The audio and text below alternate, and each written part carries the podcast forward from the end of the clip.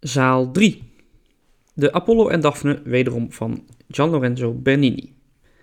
Gian Lorenzo Bernini is aan dit werk begonnen toen hij 24 jaar oud was, dus uh, nog voor de David. Maar die heeft hij even, uh, dus hij heeft dit werk, de Apollo en Daphne, even onderbroken om de David af te ronden op 25-jarige leeftijd. En toen is hij daarna weer verder gegaan aan dit werk, wat hij waarschijnlijk op 26-jarige leeftijd heeft afgerond. Maar hij is dus begonnen op zijn 24ste. Wat is de mythe hierachter?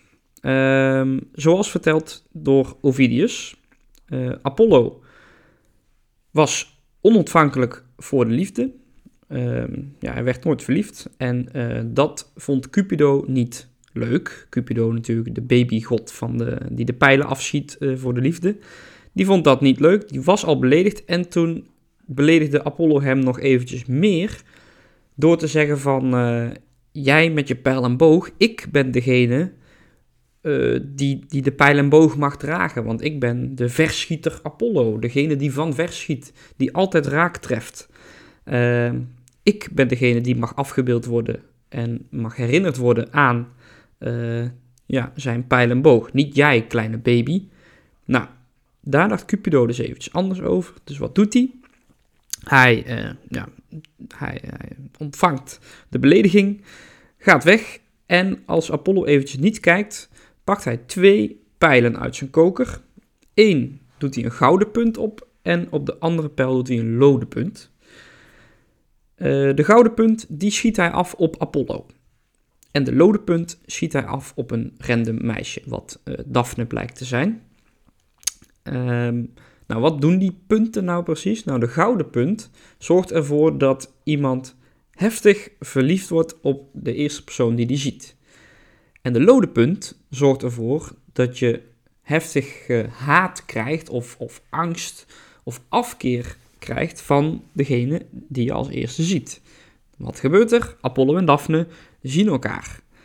Nou, Apollo heftig in love en die gaat achter Daphne aan. Daphne die weet niet waar ze het zoeken moet en die rent als een dolle weg. Nou, die achtervolging die duurt wel eventjes. En Daphne weet uiteindelijk bij een rivier te komen uh, waar haar vader uh, woont. Sterker nog, haar vader, uh, genaamd Peneus, is eigenlijk die rivier. Want Peneus is een riviergod, dus hij wordt ook een beetje vereenzelvigd met die rivier. En ze smeekt tot Peneus, ze komt daar aangerend en zegt: Papa, papa, help mij, help mij. Um, ja, er zit een of andere koekwous achter me aan. Help me alsjeblieft. Doe iets, maakt niet uit wat, als ik maar niet met hem uh, naar bed moet. Nou, Peneus ziet maar één mogelijkheid en verandert zijn dochter in een boom. Uh, een laurierboom zullen we later achterkomen. Uh, en dat is net op tijd, want Apollo zat, uh, zat Daphne echt ja, op de hielen. Uh, Daphne verandert dus in een boom. Dat duurt natuurlijk eventjes. Hè. Dat gaat niet, dat is niet in één seconde. Dat duurt echt wel een, een paar tellen. Dus zij wordt een boom en op dat moment kan Apollo Daphne nog pakken. En uh, legt zijn hand op uh, haar borst, die al boomschors is geworden. Maar onder die boomschors voelt hij nog uh, het hart van Daphne. Voelt hij nog kloppen door die boomschors heen. Heel, uh, ja, wat is het? Is het romantisch? Is het creepy? Uh, ja, mag je zelf beoordelen. Um, en dat is ook een beetje het moment natuurlijk wat je hier ziet afgebeeld. Hè? Dus Daphne is half mens, half boom. Uh, kijk ook eventjes goed naar haar, uh, naar haar handen, die al bladertakken zijn geworden. Uh, en zelfs zo, kijk maar eens even goed naar die, naar die, naar die uh, bladertakken als handen. Ehm, dat is zo dun ge, uitgehouwd dat je, je zou er bijna doorheen kunnen kijken. Als je er een lamp op zet, dan kun je van de andere kant kun je eigenlijk het licht door het marmer heen zien schijnen. Dus uh, zo dun is dat gemaakt door Bernini en zijn leerling.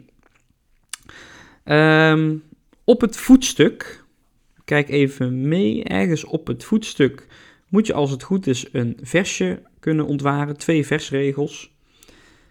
Zoek maar eens eventjes en lees dan met mij mee. Het gaat op metrum, op de dactylische hexameter natuurlijk. Voor de Latinisten en Graiki vast wel bekend. Lees mee. Quis quis amans sequitur fugiti vai gaudia formae fronde manus implet bacchas carpit amaras. Nou, als je dat uh, vrij vertaalt, want als je het letterlijk vertaalt krijg je ja, best wel een kromme zin. Dus we gaan het eventjes iets vrijer vertalen voor jullie. Uh, en de vertaling luidt dan, wie alleen maar vluchtig aards plezier nastreeft, houdt slechts bladeren en bittere bessen over. Ja, nou, wat is dit nou precies voor, um, uh, voor, voor versje?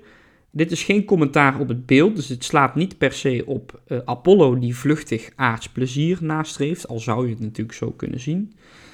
Maar het is uh, eigenlijk een verwijt aan het adres van Scipio, Scipio Borghese, Scipione, door kardinaal Urbanus, dat is namelijk een vriend van hem. En uh, ja, die vond dat uh, Scipione dus te veel bezig was met, met het aardse, met het vluchtige, met alles wat in je buik gaat, zeg maar.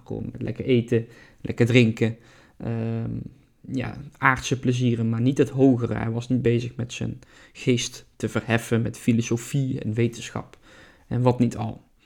Dus dat is een, een verwijtje van uh, kardinaal Urbanus aan het adres van Scipione Borghese. Ja, nou geniet nog eventjes van dit prachtige beeld. Kijk gewoon even goed rond naar wat je allemaal ziet. Het is natuurlijk heel gedetailleerd. Um, en een van de kunstwerken sowieso in de Galleria Borghese. Maar je zou zelfs kunnen zeggen dat het ook gewoon tot de mooiste kunstwerken uh, te vinden in Rome behoort. Geniet ervan. Dit was Apollo en Daphne van Bernini.